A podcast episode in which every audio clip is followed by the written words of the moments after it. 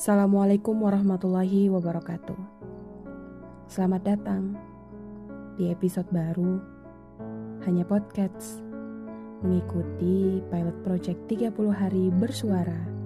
Semoga kalian sehat selalu ya. Alhamdulillah hari ini kita sudah sampai di hari ke-9. Lain tema hari ini tentang keluarga. So, happy listening.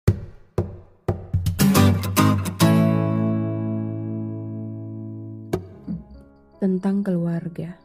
Membahas tentang keluarga tentunya tak jauh dari ayah dan ibu kita.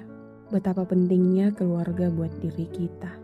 Kita tidak bisa menafikan bahwa tentu peran keluarga sangat besar terhadap diri kita. Mulai dari ketika ibu kita mengandung kita hingga mempertaruhkan nyawa melahirkan kita. Hingga kemudian kita melihat tetes keringat ayah kita bekerja mencari nafkah untuk menghidupi kita, memastikan kehidupan kita layak, hingga tidak ada alasan buat kita mengacukan keluarga. Keluarga adalah utama, keluarga adalah nomor satu. Bahkan harapannya kita bisa berkeluarga di surga. Kita bisa hidup bersama keluarga kita, ayah dan ibu kita di surga. Gak satu ketika, aku mendapat pertanyaan renungan dari seorang ibu tua renta ketika aku melakukan perjalanan ke panti jompo.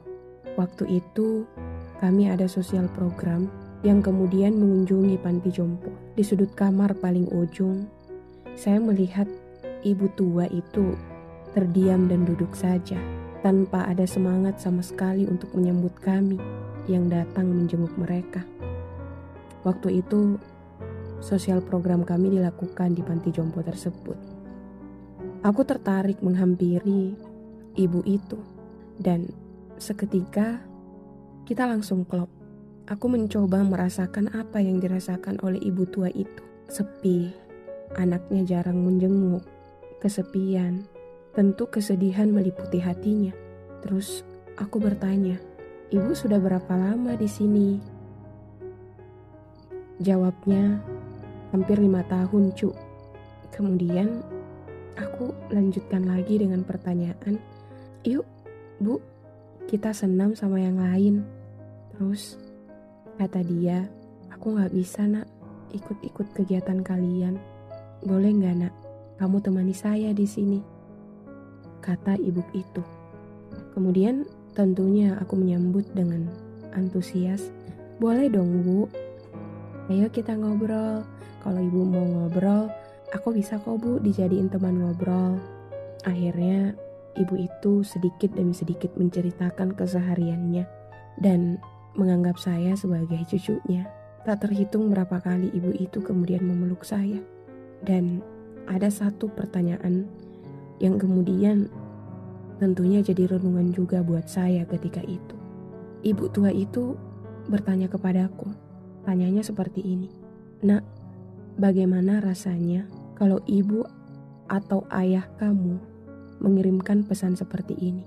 Anakku, bila aku tua, andai aku jatuhkan gelas atau lepaskan piring dari genggamanku, aku berharap kamu tidak menjerit marah kepadaku karena tenaga orang tua sepertiku semakin tidak kuat dan karena aku sakit. Pandangan mataku semakin kabur. Kamu harus mengerti dan bersabar denganku ya nak, anakku. Bila aku tua, andai tutur kataku lambat atau perlahan aku tak bisa mendengar apa yang kamu katakan. Aku berharap kamu tidak menjerit padaku. Ibu tulikah? Ibu bisukah? Aku minta maaf anakku. Semakin menua. Anakku, bila aku tua, andai aku selalu saja bertanya tentang hal yang sama berulang-ulang, aku berharap kamu tetap sabar mendengar dan melayaniku, seperti aku menjawab sabar pertanyaanmu saat kamu kecil dahulu.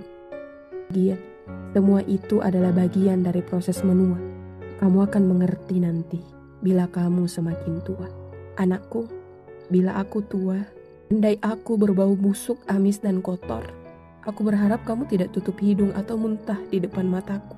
dan tidak menjerit menyuruh aku mandi. Badan aku lemah, aku tidak ada tenaga untuk melakukan semua itu sendiri. Mandikanlah aku seperti aku memandikanmu semasa kamu kecil dahulu. Anakku, bila aku tua, seandainya aku sakit, temanilah aku. Aku ingin anakku berada bersamaku. Anakku, bila aku tua dan waktu kematianku sudah tiba, aku berharap kamu akan memegang tanganku dan memberikan kekuatan untuk aku menghadapi kematian. Jangan cemas, jangan menangis, hadapi dengan keridoan.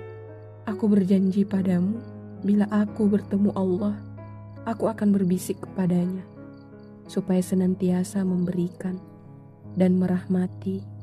Kamu sangat mencintai dan menaatiku. Terima kasih banyak karena mencintaiku. Terima kasih banyak karena telah menjagaku. Aku mencintai kamu lebih dari kamu mencintai dirimu sendiri. Ketika itu, aku tak sanggup berkata apa-apa.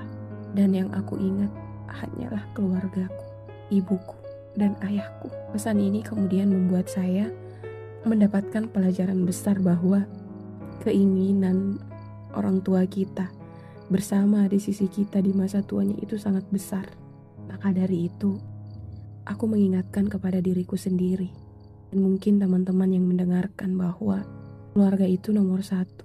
Bahagiakan mereka, cintai mereka, lebih dari kamu mencintai dirimu sendiri.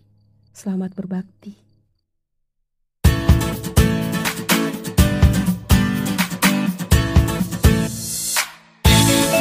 Thank you very much for your listening our episode on Hanya Podcast.